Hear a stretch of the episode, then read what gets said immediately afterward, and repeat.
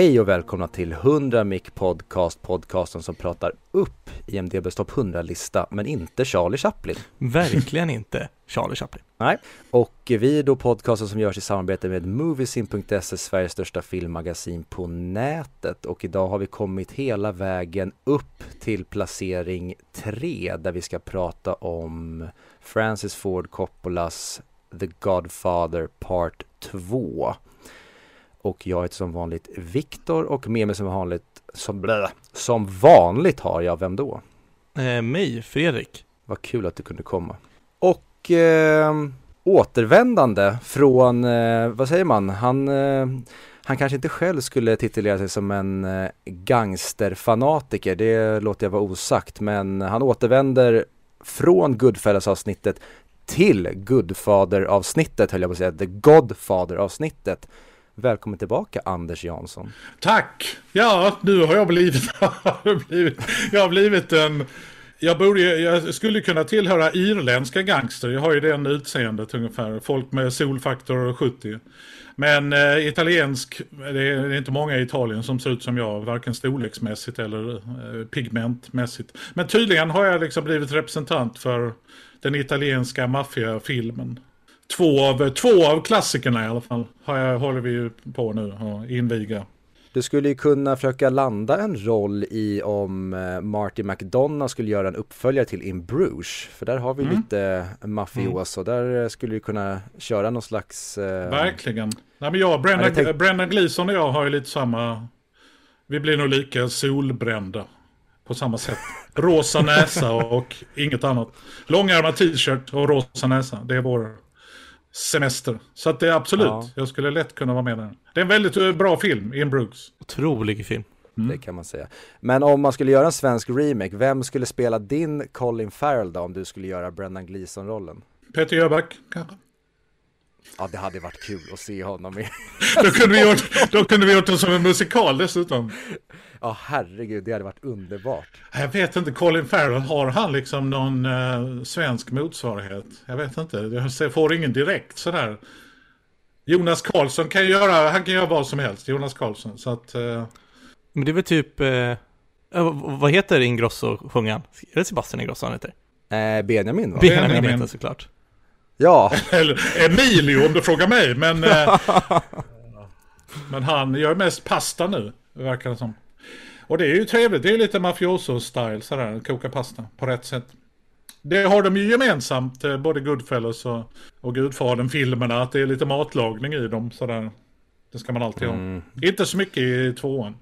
Men... Eh, nej. Nej, där får vi mest se apelsiner och tomatsås. Mm, inte riktigt mycket, tomatsås. Mycket frukt. Jajamän. Och i och för sig, vi får ju se en del där på um, New Yorks gator i mm. uh, Vitos uh, ungdomsår. Där är lite Han kommer hem med ett päron. Det tycker jag är så fint. Mm. Hon säger vilket fint päron. Det tycker jag är Ja men jag kommer ihåg när min, när min mamma eh, Eila som kom från Finland. Hon berättade ju typ, hon fick en apelsin i julklapp en gång. Jaha. Och det brukar hon berätta för oss när jag klagade på att jag hade fått, jag hade bara tio julklappar eller någonting. Ja, jag fick en apelsin i julklapp. Då var man, höll man käften på något sätt. Så att jag kan, eh, jag kan liksom fatta det där. Alltså att just, hon växer inte upp, eh, hon växte upp ganska fattigt liksom i Finland. Och eh, det, det var ju på 30-talet, så var det 20 år senare än vad filmen utspelade sig. Men det var ändå den känslan av ett fint päron. Hade någon typ av pondus på ett sätt. Som kanske inte när man tar ett och ett halvt kilo konferens in på Hemköp. Det har liksom inte samma, riktigt samma effekt. Sådär. Men, eh, Men det... sådana detaljer tycker jag om i de här filmerna. Eh, och inte minst i del två som vi ska prata om. Där det finns det här, eh, jag vet inte, det lilla på något vis. Man, man, man ser detaljerna och de jobbar mycket med de här detaljerna tycker jag. På ett ja. väldigt eh, fint sätt. Men tillbaka till eh, apelsinen då. Ja, där hade det ju kunnat slå väldigt fel. Istället för att hon fick dig att förstå att man ska vara glad för det lilla. Då kanske du trodde att apelsinen var då någon slags leksaks-merchandise från Gudfadern-filmerna. Så att bredvid dina Star Wars-gubbar la du alltid en apelsin. Så sa, är det här är från Gudfadern. Absolut, jag hade lätt kunnat ha det. Som man kan vika upp Så att... Ja, eh, så i finns det en, då får man se de här två världarna. Ett, eh, ett förhör i senaten kan man vika ut sådär med fem gubbar som sitter och förhör dig. Ja, till exempel. En ganska märklig transformer-leksak. En apelsin, en apelsin som blir ett förhör i senaten. Nej, det känns inte som de än gick igenom pitchen på leksaks... På Hasbro eller Mattel eller någon. Nej. Nej. Men en apelsin som man kan förvandla till Marlon Brando och, och slänga in i käften sådär. Kanske. Nu är inte han med i den här filmen. Nej, vi kanske kan börja där. Vi kanske kan prata lite om själva bakgrunden till den. Det blir ju svårt i och med att i nästa avsnitt kommer vi att prata om då ettan. Men just då mellan ettan och tvåan då när ettan har blivit den här super mega hitten för som jag har förstått det så skulle Marlon Brando vara med i tvåan men att det var något strul typ på inspelningsdagen och spela in den här slutscenen som gör att han inte dyker upp så att Coppola då får skriva om hela slutscenen. Ja, precis. Den eh, middagen där alla barnen i vuxen ålder eh, med liksom... Ja, det är ju någonstans... Jag vet inte riktigt när det är i kronologin på något sätt. Men det är ju kanske innan bröllopet i ettan. Alltså får jag en känsla av. Det är lite så här... Det blir så här Marvel Cinematic Universe på något sätt. The Godfather Cinematic Universe var den i tidslinjen. Att det liksom är att de käkar middag. Och så skulle han ju komma in på slutet där. Men det blir ju ganska effektfullt när Mike sitter helt själv. Och så hör man dem ute i hallen. eh, Med resten av barnen och Michael. Den sista bilden är ju Michael helt ensam på något sätt. Och det känns ju som att resan han har gjort från den första filmen har ju varit liksom från krigshjälte till ledare för mördarfamiljen Corleone. Och den, eh, den är ganska stämningsfull, eh, den scenen där, kan jag tycka. Ja, jag tycker det är en, för det är väl den absolut sista scenen vi får se innan man slutar på då en stirrandes och funderandes gammal eller åldrande Michael Corleone. Ja, det är kanske och- det som är sista bilden. Han sitter i trädgården där i Tahoe, typ. Ja, precis. Just det. För innan, den scenen då innan i köket, det är ju, då berättar ju Michael för dem, det, för det är då de pratar om att Mm. Det. Mm. japanerna har bombat dem på deras pappas födelsedag och då är Michael berättar om att han har tagit värvning och det blir Just hus det. i helvete från Just det. Sonny framförallt. Mm, mm, mm. Och jag, eh, nu börjar vi fel ände helt och hållet, vi kommer väl börja i början snart men den scenen där de tillsammans, det känns verkligen när man har sett båda de här filmerna som att oj, var det här de var från början? Mm, Det är verkligen, det är någonting som, det är någonting helt annat än vart vi befinner oss i slutet på Gudfadern 2. Verkligen, verkligen. Eh, jag kommer ihåg att, jag vet inte var de låg, de här filmerna, om det var Universal som satte ihop med CBS eller NBC. De gjorde ju en tv-serie, 77 eller början på 80-talet någonstans. Där de satte ihop två filmer kronologiskt. Alltså där de, de satte ihop den kronologiskt helt enkelt. I fyra, avs i fyra avsnitt. Som respektive avsnitt var väl kanske en och en halv, upp mot en och en halv timme långa. Där man då börjar i Sicilien, på Sicilien liksom. Och eh, så har de klippt ihop den kronologiskt. De ville ju ha Gudfadern 3 kan man ju tänka sig eftersom filmerna gick så bra. Båda filmerna gick bra och vann Oscars. Det var första sequeln väl som vann en Oscar tror jag. Ehm, för bästa film. Där de ville ha Gudfadern 3, det var ju en pågående diskussion. Men Coppola kände ju att han hade berättat färdigt. Men sen när han gjorde, vad heter den, One from the Heart, hette väl den filmen, den har jag bara sett en gång för länge sedan. Då var han ju ganska ekonomiskt ansträngd. Och eh, då gick han med på att göra Gudfadern, den sista. Ja, för det har jag förstått det som att även tvåan var lite grann att han, för, från början, vi kommer att prata om det i ettans avsnitt sen, men just att tvåan var lite att de slängde jättemycket pengar på honom och bara gör det du gjorde igen. Och att han från början var så här, nej, jag gjorde mest ettan för att egentligen få mig ett namn och kunna göra mina riktiga passionsprojekt. Men då att han kom på det, att, nej men jag har ju en story jag skulle vilja berätta om då en pappa och en son Just som jag kanske det. inte fick göra fullt ut i ettan och då får han göra det i tvåan. Och det Ja, det, det är intressant då att det blir som liksom hired gun-jobb och egentligen någonting som ska bygga på en succé som ändå når den här enorma framgången. Det är Mm. Verkligen. minst sagt imponerande. Nej, men också hur han... Jag tror att han hade liksom en filmidé Där man just skulle följa två liv parallellt i två olika tidsåldrar. Sådär liksom. Mm. Att han, och då applicerar han liksom den idén på, han la det filtret på Gudfadern del 2. Ja men om vi följer pappan när han var ung och sen följer vi Michael parallellt, liksom vi klipper mellan dem. Och att berätta det på det sättet istället. Och det är ju ganska intressant sätt att berätta. För jag tycker han, det som är så bra med del två är balansen i de två berättelserna tycker jag. Mm. Det är inte så att, jag tycker liksom att precis när han, han gjorde ju ett test med klipparna, eller klipparen, där de hade kortare sekvenser. Mm. De hade liksom lite mm, kortare mm, 1919 eller när det är och sen lite kortare då på 50-talet. Men då märkte han att det blev liksom för hoppigt utan det var bättre att ha lite längre sekvenser. Där man fick liksom ett helt skede på något sätt. Och sen lämnar vi det i ett läge och då klipper vi över och det blir liksom mycket bättre balans. Att, klippa, att inte klippa så hattigt fram och tillbaka. Och det är ganska intressant när man ser filmen så man är ju ganska länge på Sicilien. Det där tycker jag är ganska intressant liksom, med tanke på liksom, om man tittar på dagens film som ju där man inte vilar lika länge. Man kan inte göra det på samma sätt. Jo det kan man väl men man gör inte det. Nej, men det här är väl också två timmar längre, de filmerna som görs idag, tänker jag. Mm, jo, i och för sig.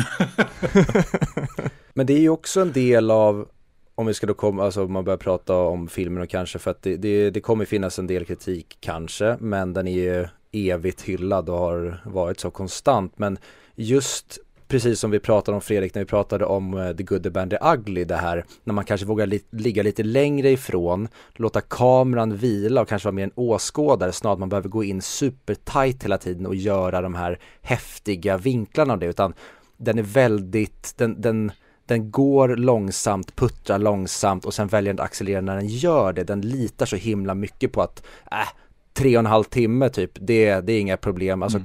Går verkligen in i båda de här filmerna med sån jäkla stake utifrån slutprodukten åtminstone. Ja, och det hänger ju ihop lite grann med um, samarbetet med Gordon Willis, alltså fotografen. Mm.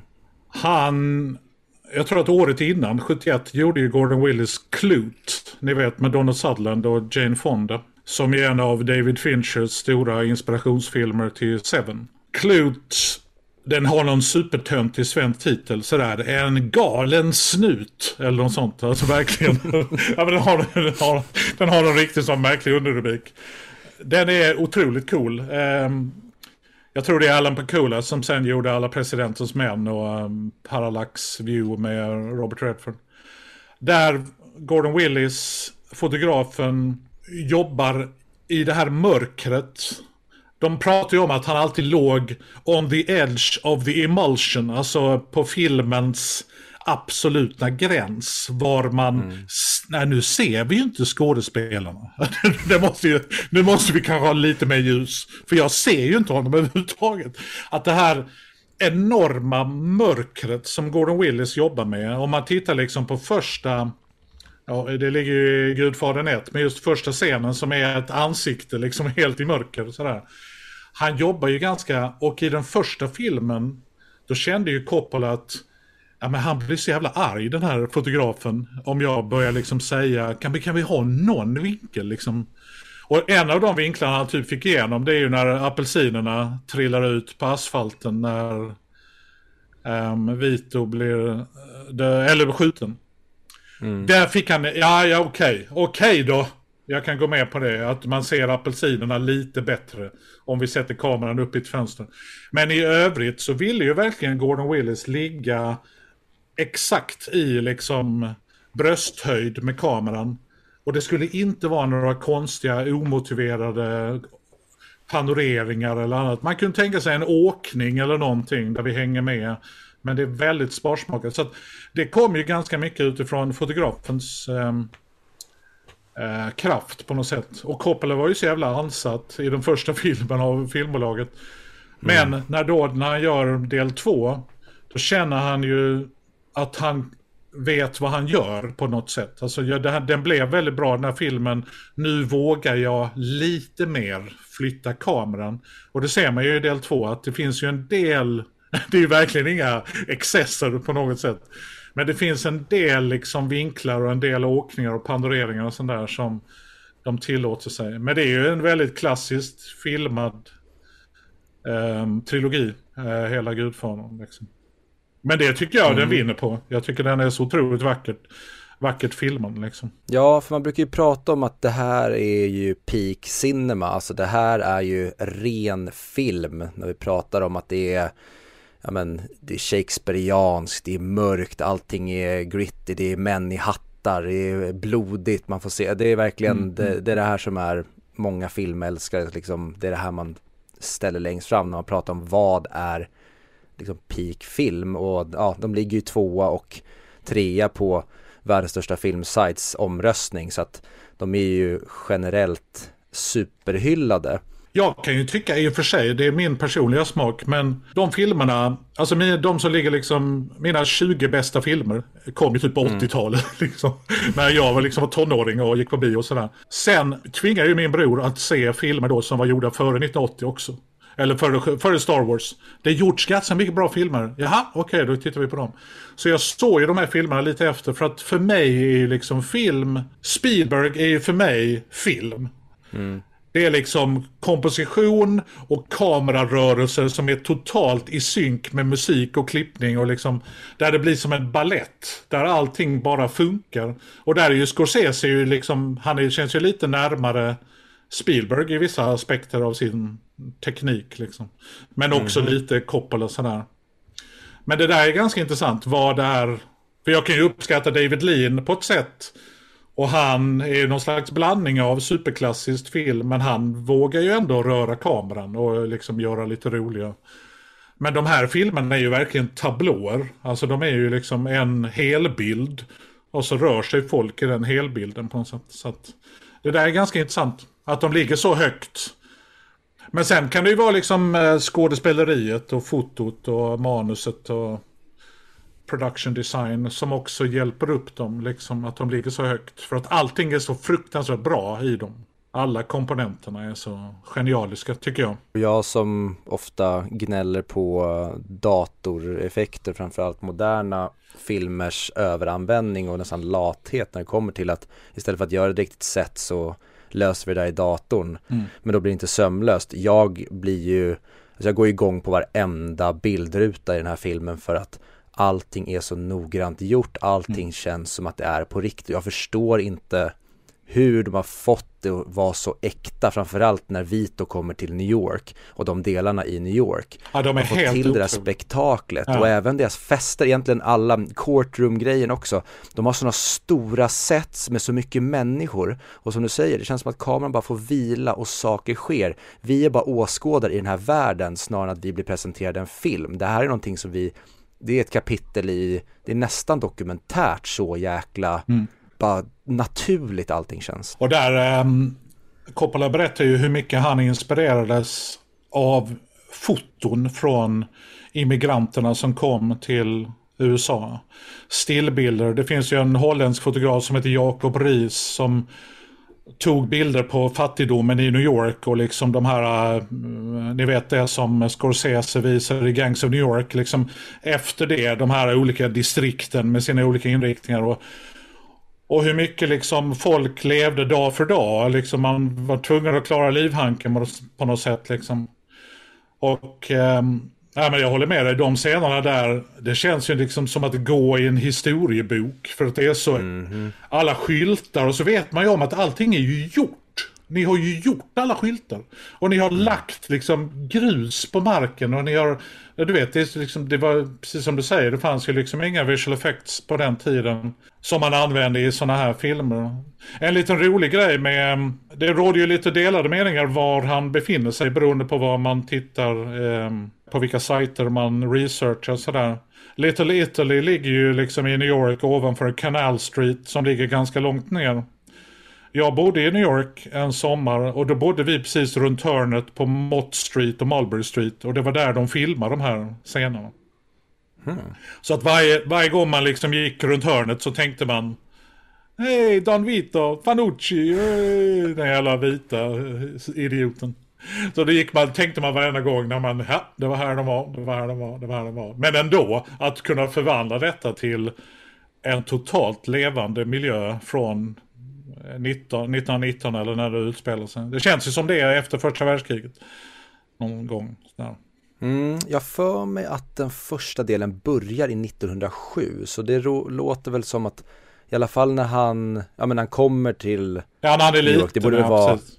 Det borde vara 1908, 1909 mm. där och sen som du säger då är det väl 10, ja. 15 år efter då när man får se honom när han börjar sin 20-talet eh, kanske, början på 20-talet, ja. Ja, precis. Ja, men det är de scenerna, och det är nästan så att jag skulle mycket väl bara vara med Robert De Niro och Bruno Kirby och dem där nere. Sen gjorde ju Sergio Leone, jag menar Once upon a time in America, man får ju lite samma grej där. Men, mm -hmm. men att bara gå med Vito där. Och han, han är så tyst i sitt spel, De Niro. Han, han spelar så otroligt fint tycker jag.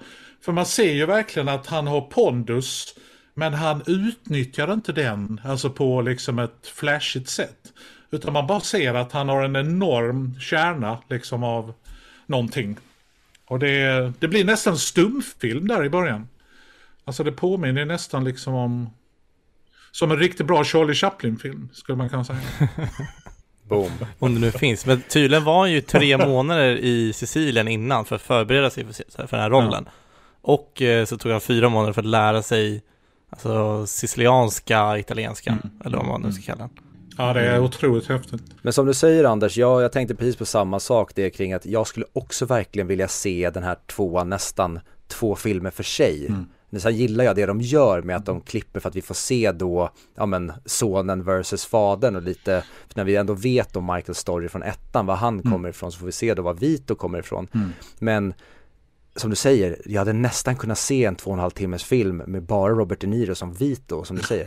Han är så tyst. Ja. Och samtidigt, han, är, han är, har pondus och respekt, men han känns också snäll. Mm, jag vet. Och det är det jag också kan tycka att Michael saknar, mm. typ från och med när han får reda på, han läser, nu hoppar jag till ettan, men när han läser i tidningen att hans pappa blir skjuten. Mm. Därifrån är det som att någonting dör. Innan ser jag samma vänlighet i hans ögon också. Sen efter det, då är det bara Darth Vader all the way. Ja, men det där är ganska intressant och då undrar man ju liksom Michael gör ju då en resa från att vara krigshjälte till att bli liksom gudfader och ganska ond. Um, mm. Där han har vunnit men han har ändå förlorat eh, alla sina ideal och eh, några i familjen och lite annat sådär. Och dödat sin egen bror och så vidare. Mm. Men det är ganska intressant om man nu tänker på eh, Vito, De Niro till Brando liksom. Han är ganska snäll, precis som du säger. Han, Kommer ni ihåg den scenen när han typ får sparken från sitt jobb för att han Fanucci säger att ja, men min brorson ska jobba här. Och så mm. han är mannen som, då säger han liksom, ja men du har varit så schysst mot mig och jag klandrar inte dig och det här är inte ditt fel. Man börjar ju gråta där, alltså bara för att det är så mycket patos liksom. Han har så enormt patos och förståelse för den här mannen precis som du säger, han, han tänder ju inte till liksom, utan han är ganska cool. Det är inte ditt fel. Liksom, utan han samlar ju bara poäng på den här jävla Fanucci, liksom, som han sen eh, gör någonting åt det problemet. Men han, han framstår som väldigt snäll. Att han bara tar emot de där pistolerna genom fönstret, du vet. Göm mm. de här, va? Ja. Och där stänger han ju dörren också. Det är roligt. Han stänger ut sin fru när han ska kolla på vad är det i den här påsen. Ja. fin, fin italiensk tradition att stänga ute fruarna från business-biten. Jag fick känslan att hela essensen av den här filmen, för jag tänkte precis som ni pratade om innan, att eh, tredje filmen borde ju varit någon av de här två delarna. Antingen eh, alltså, unga Vito eller Michael. Men hela essensen är väl att man ska jämföra hur de är så olika personer och hur de fick makten på helt olika sätt. Och då att Michael blir den här äh, mer onda maktgalna, det är viktigare för han att behålla makten än att han har sin familj. Mm. Medan för Vito så är det ju, han får ju makten genom att han är som han är och vill ta hand om mm. dem han älskar och tycker om. Mm. Så de har helt olika agendor i, i sina handlingar. Han är ju self-made man, det är ju inte Michael utan han är ju prinsen som mm. ärver kungariket. Precis. Och så mm. blir han, han ska ju liksom agera Simba, men han drar ju Simba och liksom blir Scar istället på något sätt. Att han gör bort han, han liksom det var blir jättebra liknelse, ledare. Jättebra liknelse. Mm. Och Clemenza är Pumba, känns ju som. Klockrent. ja, men den, jag, jag, och jag är väldigt förtjust i filmer, liksom eh, epokfilmer och sådär. Jag gillar ju den här miljön i New York med immigranter och liksom hela den. Eh, dels för att jag gillar New York som stad, men den, en av mina favoritbilder i hela filmen, det är när de ska låna den här mattan som Bruno Kirby Ja, han är väl, vem är han? Det är väl Clemenza va? Eller? Ja, det är det. Ja, just det. När han var ung. Ja, han är inte hemma, men vi bryter oss in. Va? Vad fan är detta? Och så går de in där och så kommer det en polis. Och den bilden, den helbilden när Bruno Kirby står med sin pistol, kommer ni ihåg den? Mm. Han står och håller pistolen bara vid dörren och så ser man hur polisen tittar in liksom genom ett draperi fast han, han ser ingen den bilden är så jävla snygg, den bilden. För det är liksom, jag vet inte, den känns ju verkligen som ett foto liksom från den tiden. Men Coppola berättar ju också att han, det finns vissa bilder som är exakta bilder han har hittat. Alltså stillbilder från den. Till exempel när de undersöker pojken på Ellis Island. Alltså med, kollar om han är, har någon sjukdom eller sådär och han får ligga i karantän och liksom.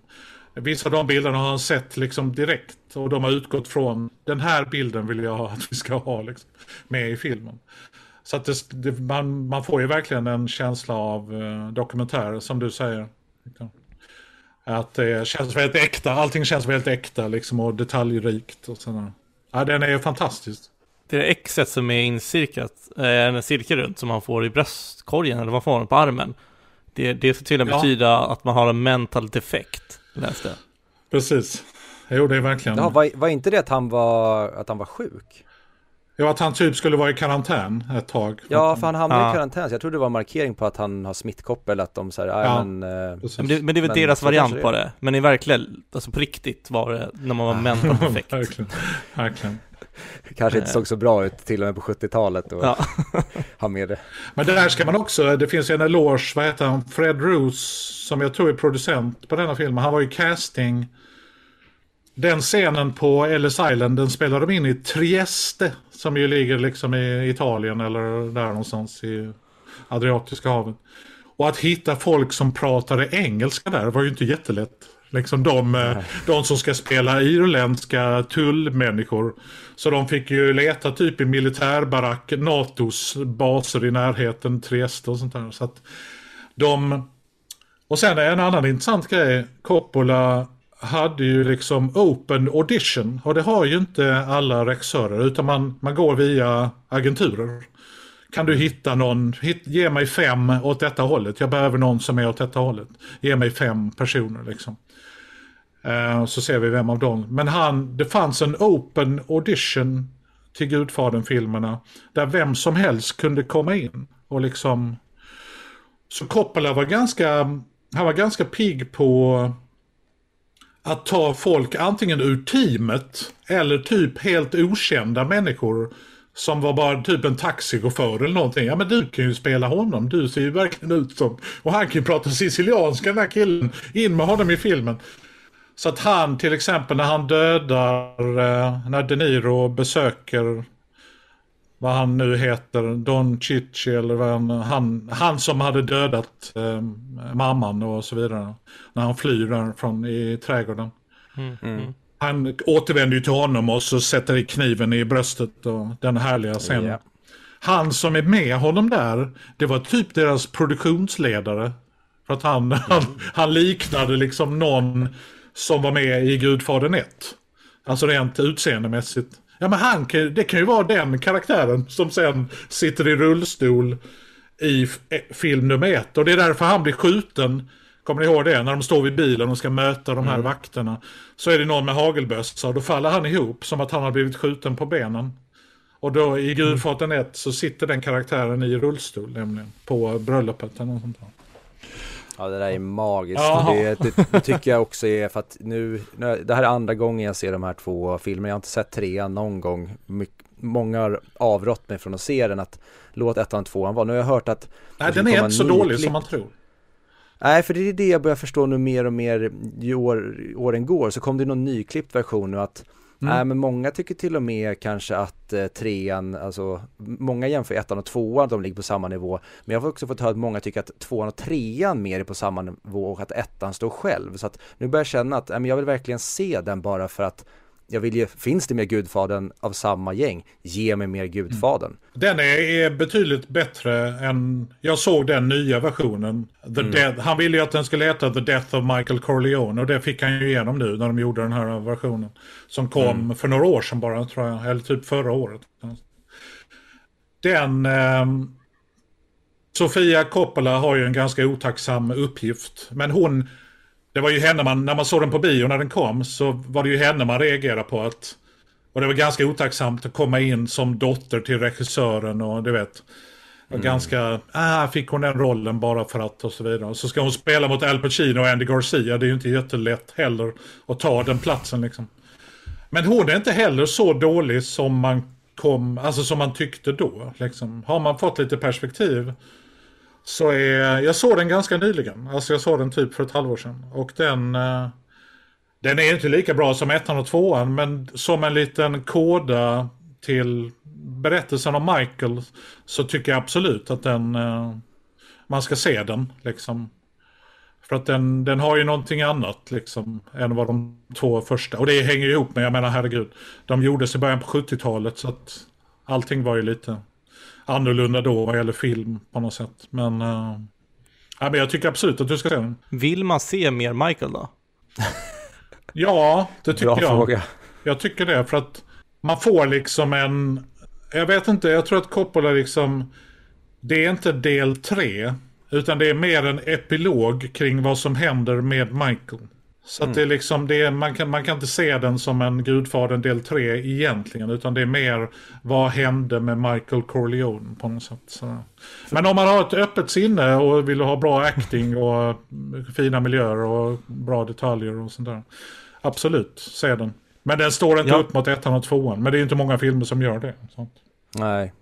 För alltså jag spenderar ju halva tvåan att älska Robert De Niro och Vito och halva filmen av att hata Michael och tycka att, att varför kan han inte bara göra bättre beslut? Ja, och det är eh. det jag tror att precis det Coppola är ute efter. för att många har ju pratat om att ja, men de här filmerna de romantiserar eh, gangstervåld och hederskultur och jada jada jada. Mm. Men Coppola har ju sagt att det här är ju inte meningen att det ska romantisera och få oss att tycka om de här personerna. Det här är ju en tragedi. Alltså det är ju två tragedier om en man som fördärvas och bara raserar allting. Det ska inte, och det, många tror att de här kanske ska sluta på en god not, att så här, allting, ja, i slutändan så tog han sitt förnuft till fånga och allting blev bra. Så här, nej, ingen av de här filmerna ens hintar lite grann åt det och när man pratar om slutet på ettan och slutet på tvåan så finns det ju nästan identiska bilder om, återigen till att stänga dörren mot sin, mm.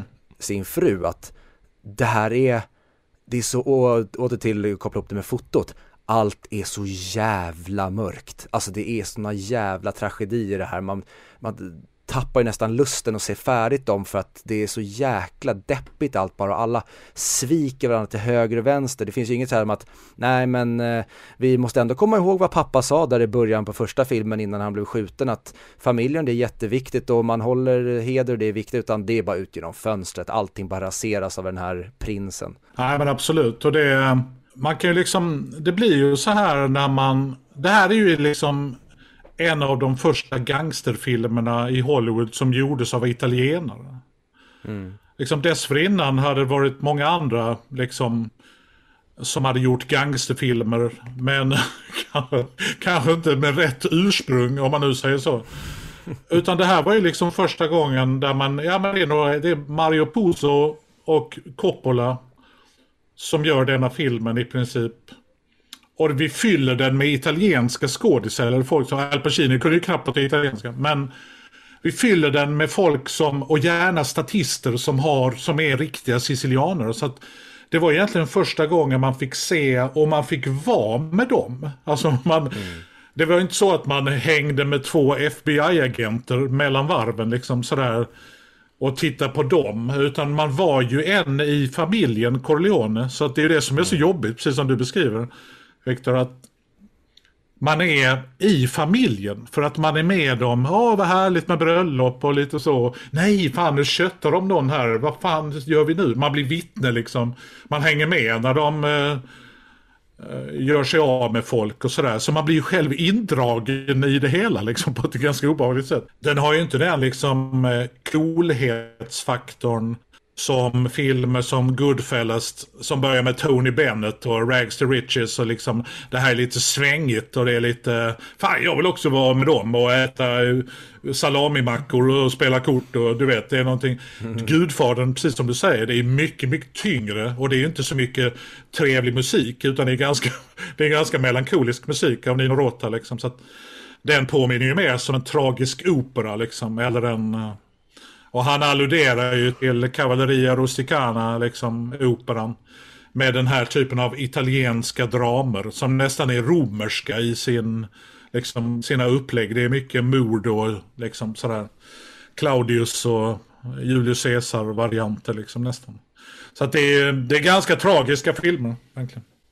Ja, och det pratar vi till och med om i tvåan då, att vi var, Vitos Empire var som det romerska imperiet. Vi ja. var verkligen på den nivån. Mm. Och det är ju något sånt som man, utifrån hur man ska se det, du ska ju inte jämföra den här kanske då med då Scorseses Goodfellas bara för att det handlar om italienska ättlingar för att ja, de, det är fortfarande gangsters men som du säger, det, du tacklar den här typen av berättelser på helt vitt skilda sätt. Mm.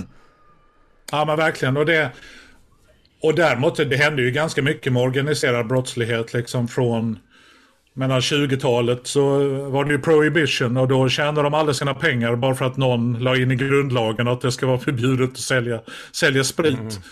Och då tjänade de ju sina förmögenheter precis som familjen Kennedy gjorde genom att smuggla whisky. Uh, men sen kom ju kriget och sen blev det ju liksom en annan ton på något sätt i brottslighet och FBI och liksom sådär. Men sen om man tittar på Goodfellas som ju utspelar sig ganska mycket på 60-talet och 70-talet sådär. Då var det ju liksom en annan, ja. Ja men det här med, de pratar ju om drogerna liksom i Gudfadern. När drogerna börjar komma. Liksom, ska vi mm. sälja droger? Liksom, till exempel. Och det var ju liksom ett stort beslut som ju var bevisligen generations bundet lite grann. Liksom. Så att det var ju liksom en liten annan typ av kriminalitet på något sätt på den tiden. Än vad kanske Scorsese skildrar i Goodfellas också. Men det finns ju såklart överlappande element i dem. Ja, väldigt lik Peaky Blinders-storyn tycker jag ändå. Med tanke på mm. att de kommer dit, de växer och sen så går, de väl har växt till en viss nivå så försöker de få det bli legit och lagligt allting de gör. Fast det är, det är alltid smutsiga metoder. Mm. Precis, och det är där man känner att de stora pengarna finns när man får kontrakt från armén och liksom det är där mm. de riktigt stora pengarna finns på något vis. Och vill man ha makt så handlar det till slut inte bara om pengar utan vem man känner och vem man har mutat och, och så vidare. Så att, och det där är alltid, jag, jag gillar ju alltid uppbyggnaden av filmer liksom. Mm.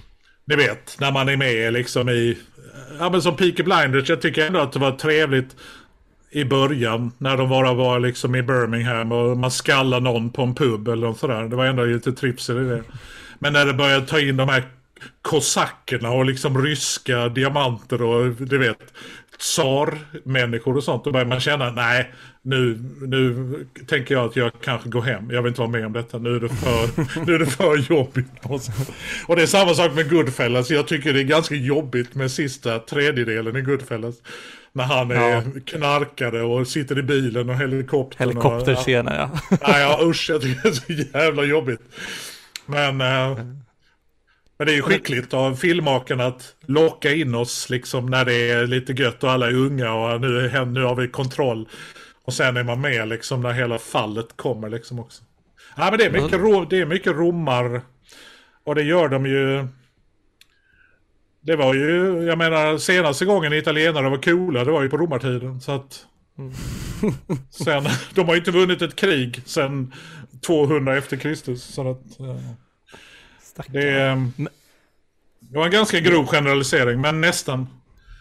Mussolini, han åker ner till Eritrea, det är där han liksom är andra världskriget. Vad har de andra? De har spjut. Ja men då kan vi ju nog vinna. Typ. Men, um, inte ens det.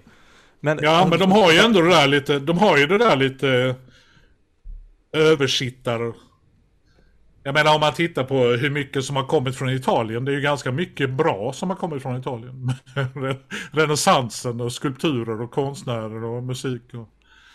Mm. Att de har ju ganska Ja. fin historia. Men de har ju det här lilla 0,0 promillen med organiserad brottslighet som de också har blivit kända för liksom, på något sätt. det, det ögonblicket i den här filmen, i Gudfadern del 2, som, eh, som jag egentligen... För jag hade hela tiden känslan såhär, men Michael kommer bli god, han, han är en skön kille, han, han kan det här. men när eh, han så ska tjalla på dem, vad heter han? Fredo? Alltså Nej, hans bror? eh, Nej. I rättegången, Alltså Pantaglia Frankie. eller Frankie. ja. Pant- ja Frankie. När, varför jag, jag trodde ju först, exakt, Ja, så jävla jobbig röst. när hans bror kommer in, Mm. så tänk, alltså det, min koppling till det var först att, aha, okej nu kommer han skämmas på hans blick, för att så här, man, så där gör man inte, man skvallrar inte ner andra italienare, vi, vi håller inte på så. Men sen kommer väl fram att det är inte det som är grejen med utan de tar dit honom som hot. Mm. Att de har kidnappat Mm. honom mer eller mindre. Nej men precis. Och det där jag känner så här, okej fuck, han är ju, han är, han är ju ond, rakt igenom. Nej men verkligen. Ja men det är det han berättar för eh, Tom Hagen inne på fängelset, är det inte det? Eh, Där bakom stängslet? Eller? Nej det Jo, kan, precis. var det inte det? Ja men det är sen ja, egentligen hans, när Tom Hagen berättar för honom hur han Mm. potentiellt skulle kunna ta livet av sig. Precis. för så gjorde romarna. Ett litet tips. Ja.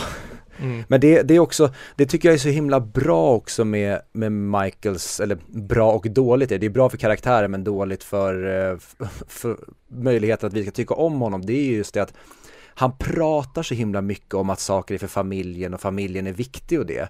Men allt han gör är att bara hela tiden använda familjen som en jävla murbräcka och så fort familjen liksom hintar åt någonting likadant mot honom, då sviker de honom. Så att det gäller inte samma spelregler, det var ju det som också vi förstår med Vitos eh, prequel när man får se vilken jäkla familjefarsa han var.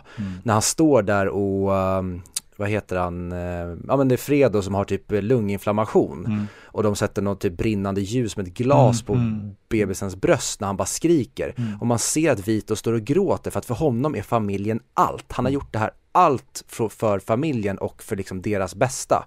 Medan Michael, han, han pratar om det, men han har uppenbarligen inte fattat ett jack shit om vad det är som är viktigt. Ja men det där är intressant och din spaning där Viktor just på att Vito bygger upp en familj från ingenting. Han, eh, han är fattig, de har ingenting, han liksom gör det för sin familj och för sina vänner liksom på något sätt att vi ska inte bli behandlade på detta viset. Det finns liksom ett, ett rättvisetänk i det liksom. Sen att han börjar liksom använda andra metoder men han märker ju att det är så här man måste agera om vi ska kunna överleva. Liksom. Det handlar ju mer om överlevnad för honom. Och det gör det ju för Michael också men han kommer ju liksom som lillebror och prins som du säger. Den som absolut inte ville vara en del av detta, åtminstone utåt sett. Sen kanske det fanns någonting i Michael som alltid har, jag är både, jag är smartare än Sonny, jag är blods, Tom Hagen är bara liksom konciliäre och Fredo är så svag, han är så svag. Så det känns ju som Michael, även om han är lite sådär lillebror, så ser man ju på Al Pacino att han, jag vet bättre. Det utstrålar han ju hela tiden. Liksom. Och sen när han då greppar läget liksom i ettan med pappan är på sjukhus och så. Men det är en ganska intressant spaning just att han, han har fått det här med familjen lite påtvingat sig på något sätt. Och hans egen familj, det går ju åt helvete med den. Alltså hans egna barn och hans fru och Ja. okej. och det är bara så fruktansvärt liksom. Ja, hon gör abort för att Ja, hon vill inte alltså det vara är liksom så en tungt, del av hans det är liv så längre. jävla tungt. Det är så jävla tungt.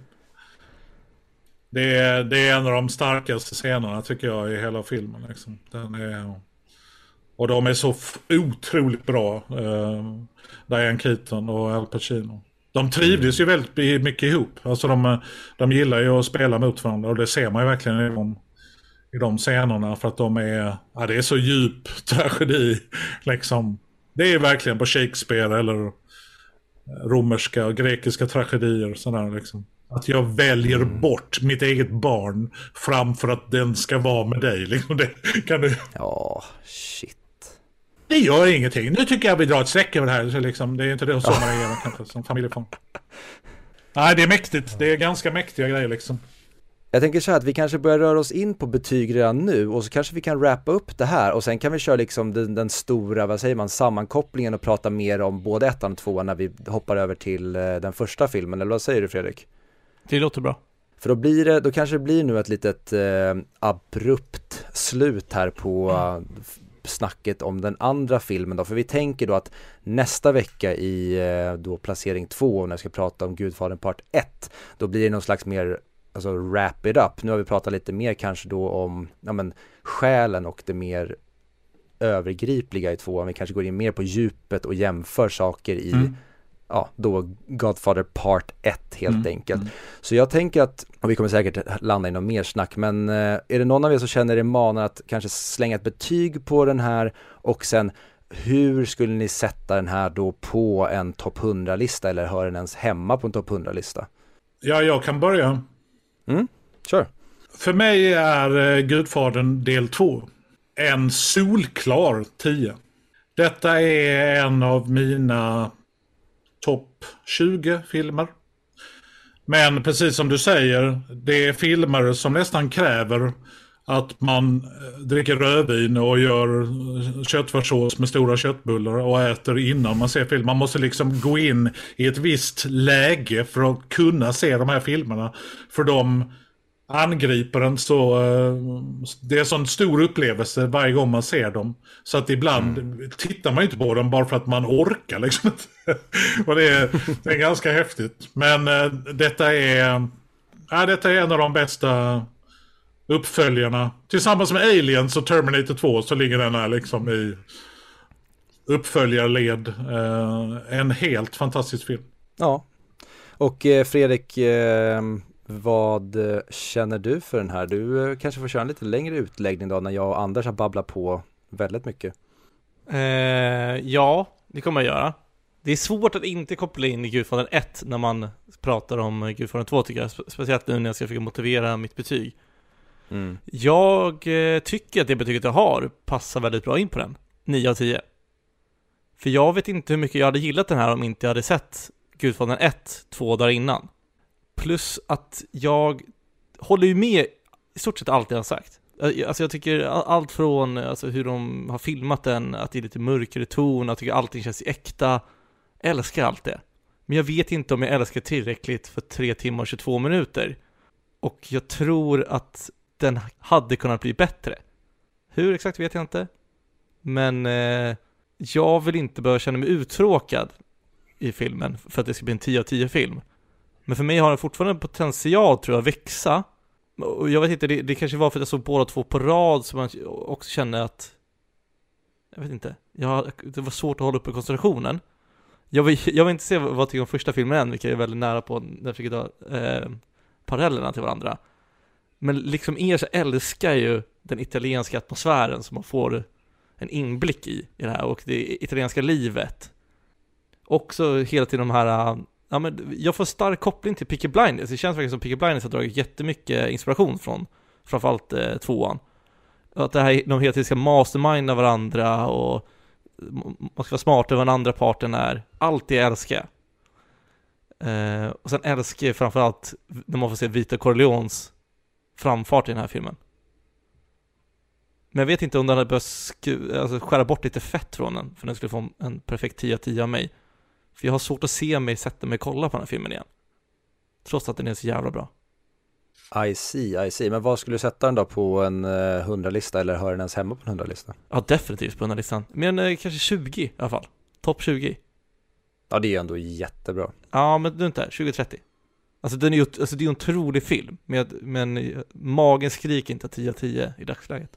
Alltså jag är ledsen Anders, jag ser hur arg du är just nu. Nej, jag har, jag har två söner som jag tittar på mina topp 100 och de, jag har lärt mig nu att de får också reagera som de vill. Så att eh, det är ganska jobbigt. det är hans söner som fått ta smällarna. Så ja, exakt. Ja, men jag berättade inte det när vi pratade sist. Just att nu har jag sett Reservoir Dogs. Och så frågar man sin son, vad tyckte du? Ja, ja.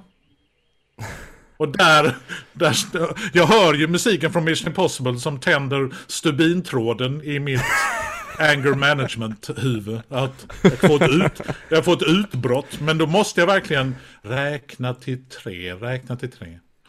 Men när vi sen såg Pulp Fiction så var ju den, ja, den var ju grymt cool tyckte mina söner. Så att eh, man får låta dem, eh, och, och jag menar ibland, vissa filmer som jag har med på mina topp 20 var inte topp 20 när jag såg dem första gången. Utan de har vuxit in liksom i... Man har sett dem fler gånger och uppskattar dem på ett annat sätt. Och, ja. Så att jag, ja, men... du får absolut tycka att den är en 7 av 10. Men som Anders sa till eh, Anders sa det till sina barn efter de gav de här betygen, det är ju att eh, nej men du är ett senarbarn, vi hittade dig på trappen som eh, mamma Corleone gör med Exakt. Fredo i den här. Exakt. Du är denna familjens Fredo. Ja. och jag, jag, har inte sett, jag har inte sett Gudfadern med mina söner ännu. Oh. Men de har frågat. För att de tillhör ju ändå en av de här filmerna även de måste ha sett. För de är så eh, popkulturellt eh, mm -hmm. genom referenser överallt. Liksom. Så mm. att de har ju frågat ju verkligen. Men då ursäktar jag ofta. Ja men då måste vi äta spaghetti och vi måste ta en italiensk språkkurs dagen innan. Och mm. vi måste, vi måste, ja. Så det har inte blivit av ännu. Så vi har kvar dessa två. Ja men det kan jag också känna är en grej med de här två. Det är mer, och jag förstår att de gjorde sen att de kanske delades upp som serier. För det känns verkligen som det här det är en film man ska se som ett event som du säger. Man ska mm. verkligen ja. göra en italiensk afton eller en italiensk helg av det hela och mm. verkligen bara gotta in sig i den här kulturen rent bara så här på en väldigt ytligt plan men ändå bara var, försöka vara så mycket i det för det, det, är, det är en atmosfär som mm. få om ens några filmer kan framkalla tycker mm. jag. Mm. Ja men absolut. Ja. Nej men jag, eh, jag sätter nog 9 av 10 på den här. Jag eh, trodde jag skulle, för första gången jag såg den då tyckte jag mycket, mycket mer om eh, den här än den första. och jag kommer inte säga vad jag tycker om den första men den här föll lite platta den här gången. Det kanske var för att jag hade så otroligt höga förväntningar på den. För jag, jag trodde inte att Michael skulle gå så här jävla mörkt, den skulle vara så tragisk. Det är ingenting negativt i sig. Men jag tyckte på något sätt, äh, jag, kommer komma till det med den första, den, den, första gör någonting annat för mig. Det kanske är för att jag blivit äldre också, för jag tror att det var tio år sedan jag såg de här mm. sen sist. Mm. Det är någonting annat ettan gör med mig som jag tror att tvåan gjorde med mig första gången jag såg dem. Men eh, också bara Tom Hagen, Robert Duvalls insats i den här filmen. Han är ju the hero, att han står mm. pall genom de här filmerna. Jag trodde att han någon gång under filmernas gång skulle vara någon som kanske spelar dubbelspel eller svinar sig, speciellt mot Michael, så som Michael behandlar honom. Mm. Men shit vilken lojal man och att han gör det trots att han inte är blodsband med mm. dem. Mm. Han har liksom, han har blivit upp, det är Vito har liksom gjort honom till sin riktiga son utan att vara hans riktiga son och han är bara toklojal mot den här familjen och verkligen mm. blivit uppfostrad på rätt sätt. Absolut. Men, alltså jag, eh, men jag sätter en typ, den här sätter jag nog typ 80 mick, den är definitivt på topp 100 men jag tror att jag skulle sätta den, ja men en bit längre ner på listan. Jag trodde att jag skulle sätta den väldigt högt upp men eh, av någon anledning så var den inte så bra som jag trodde. Still är den nästan toppbetyg och jag tycker att i kombination de här två så är det wow, men vi, vi kommer till det i, i nästa helt enkelt. Om, om Anders skärm blir svart nu och han skriver att internet dog så kommer inte jag tro på det längre.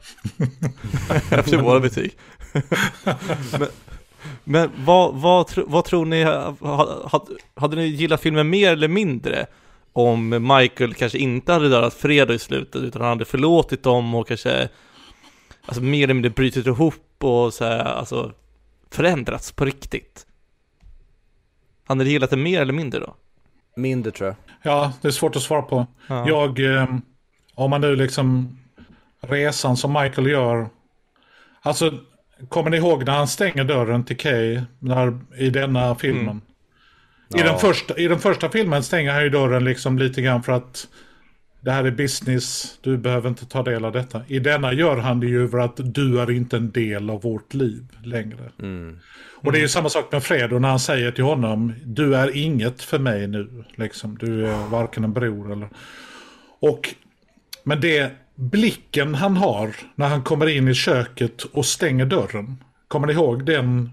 Alltså han mm. ser ju, han ser ut som att han skulle kunna mörda Kay med sina bara händer. Jag har aldrig sett ja. Al Pacino se så ond ut. För jag tycker han är, när han, när han säger till Fredo nere på Kuba och sådär, då är det ju mer i affekt. Att han liksom, uh, I know, liksom, jag vet att det var du Fredo och hela den scenen. Men när han stänger dörren till Kay, då ser man ju bara enorm evil i de ögonen. Alltså det är så obehagligt att Al Pacino kan projicera alltså hat verkligen. Som kommer liksom så djupt inifrån. Så där, där har jag verkligen blivit ond. Alltså det kan man ju verkligen känna. Till skillnad då från den glada killen som kom i första filmen till bröllopet med sin nya flickvän. Liksom. Så att det, ja. jag tycker nog att Fredo, det ingår i det paketet på något sätt. Så jag håller nog med Viktor att jag, mm. jag tycker att Fredo, det är, det är alltid jobbigt när någon, så fort någon säger att Nej men det är lugnt Fred och det är okej. Okay. Då vet man ju om att de kommer, kött, de kommer döda mig. De kommer döda ja. mig nästa bästa tillfälle. För så fort någon, nej men vi är bröder, det är okej, okay, jag älskar dig. Okej, okay, se upp för helvete. Sitt inte med ryggen mot någonting. Så. Nej men jag, ja, och det... jag tycker nog att det här med Fredo är... För Michael är det kanske en större tragedi. Men för mig är det en större tragedi att han stänger ut Kay. För att då är, mm. då är det precis som att, nej, jag vet inte, det, det är råare på ett annat sätt. Fredo har ju nästan lite förtjänat. Ja. nu är man för mycket Corleone, hör jag mig själv. he, got, he got what he deserved, den känslan. Nej men Fredo har ju nästan, han har gjort bort sig ganska rejält i Michaels ögon. Det, Man kan mm. förstå det på ett annat sätt. Lite som gudfader och vi måste ta hand om detta. Även om det är min egen bror så vi kan inte tillåta det här. Men det med Kay, det hugger mer i mig, alltså personligen. När han stänger dörren, det är mer, vad fan är detta för jävla, vad är det? Så jävla brutalt liksom. Ja, och se, scenen när hon berättar om aborten och bara, alltså hela den, den scenen i kombination med det som sker i slutet och om man då kopplar ihop det till ettan vad, vad de hade i ettan då och liksom familjen och det här allting det Oh, man blir hopplös på allting. Och jag känner verkligen att det hade inte funkat med ett lyckligt slut för att, eller att han skulle på något sätt förstå vad han hade gjort eller ändra sig eller få tillbaka Kay och förlåta henne. För att det här ska vara en film som bara, den ska bryta sönder oss eller två filmer som bara ska krossa oss totalt. Och det tycker jag verkligen att slutet med allt det här gör med stänga dörrar och dödens blick. Och det var ju ändå ganska, om man nu tittar på 70-talet som filmdecennium, de här lite downer-sluten. Liksom. Mm. Ja, men jag kommer ihåg att jag läste intervjun med David Fincher när de gjorde Seven. Det finns ju ett slut i Seven där det liksom är en biljakt på John Doe. Han, han lyckas inte döda Gwyneth Paltrow på slutet. Det finns ju en liksom, de skrev ju en version och till och med filmade vissa delar. Men då sa ju David Fincher till producenten Art Linson eller vem det var att nej, vi måste sluta med huvudet i lådan. För detta, denna filmen kommer bli den som man refererar till. Ja, har du sett Seven? Åh, oh, är det den med huvudet i lådan på slutet? Ja, vi måste, för det är, den, det är den filmen, då kommer den bli liksom en modern klassiker om vi vågar göra det slutet. För det slutet är ju också feelbad, något jävlar feelbad känsla liksom. Mm. Det blev precis som John Doe ville och nu är hans liv helt kört. Liksom, kul. Hej då! Gå hem. Liksom. och så får man ju lite med Gudfadern. Han bara sitter där. Man känner ju liksom ingen sån. Fan vad läckert, nu kör vi en Adam Sandler-film på detta. Det är liksom inte, man vill ju bara gå och lägga sig och försöka glömma detta. Ja, det är ganska brutalt. Mm. Ja, verkligen. Yes, men eh, känner vi oss klara med tvåan där så eh, tänkte jag presentera den stora överraskningen, vilken film vi ska prata om nästa vecka, för då ska vi prata om Gudfadern del 1. Oj! Som, eh, Jag tror att de har någonting med varandra att göra, att de, Mm. det är nog samma skådisar med eller något sånt där. De, ja, I alla fall, det handlar om kusiner eller något. Ja, ja. För er som skulle vilja se den så kan ni då se den om ni har ett konto på HBO eller på Paramount Plus och skulle ni vilja hyra den kan ni göra det på Viaplay, Apple TV och Rakuten TV och det går även att köpa den digitalt på Apple TV och Rakuten TV. Eh, jag måste bara säga det innan vi pratar om so- sociala medier. Alltså, jag blir ju mer och mer sugen på att bumpa upp det här betyg ju mer vi pratar om scenerna. För det, vi har inte pratat så mycket om scener i avsnittet, men det kommer ju komma nästa tror jag när vi pratar om Gudfadern. Mm. Det är oftast det som får mig att, att känna så kärlek till filmen. Så även om jag går in med eh, på någon film, ja det här är åtta, så blir- brukar jag sluta upp på nio, tio ändå. För jag, man blir så glad, så när vi pratar om scenerna. Eh, men jag ska hålla mig till det, till det jag sa än så länge. Eh, ja. men som vanligt, följ oss på 100 mick. 100 mick på Twitter, Instagram och Facebook. Där finns vi. Hur får man tag i dig till nästa? Hur, hur kan man göra för att se vad du gör för något Anders? Ehm, jag är inte på Facebook, men på Twitter och Instagram är jag ganska aktiv. Där heter jag ju Anders Jansson, fast istället för E så har jag en trea. Det känns väldigt Modernt. mycket farsa på, farsa på stan eh, adress sådär. Men eh, det var det efter Ashley Cole eller?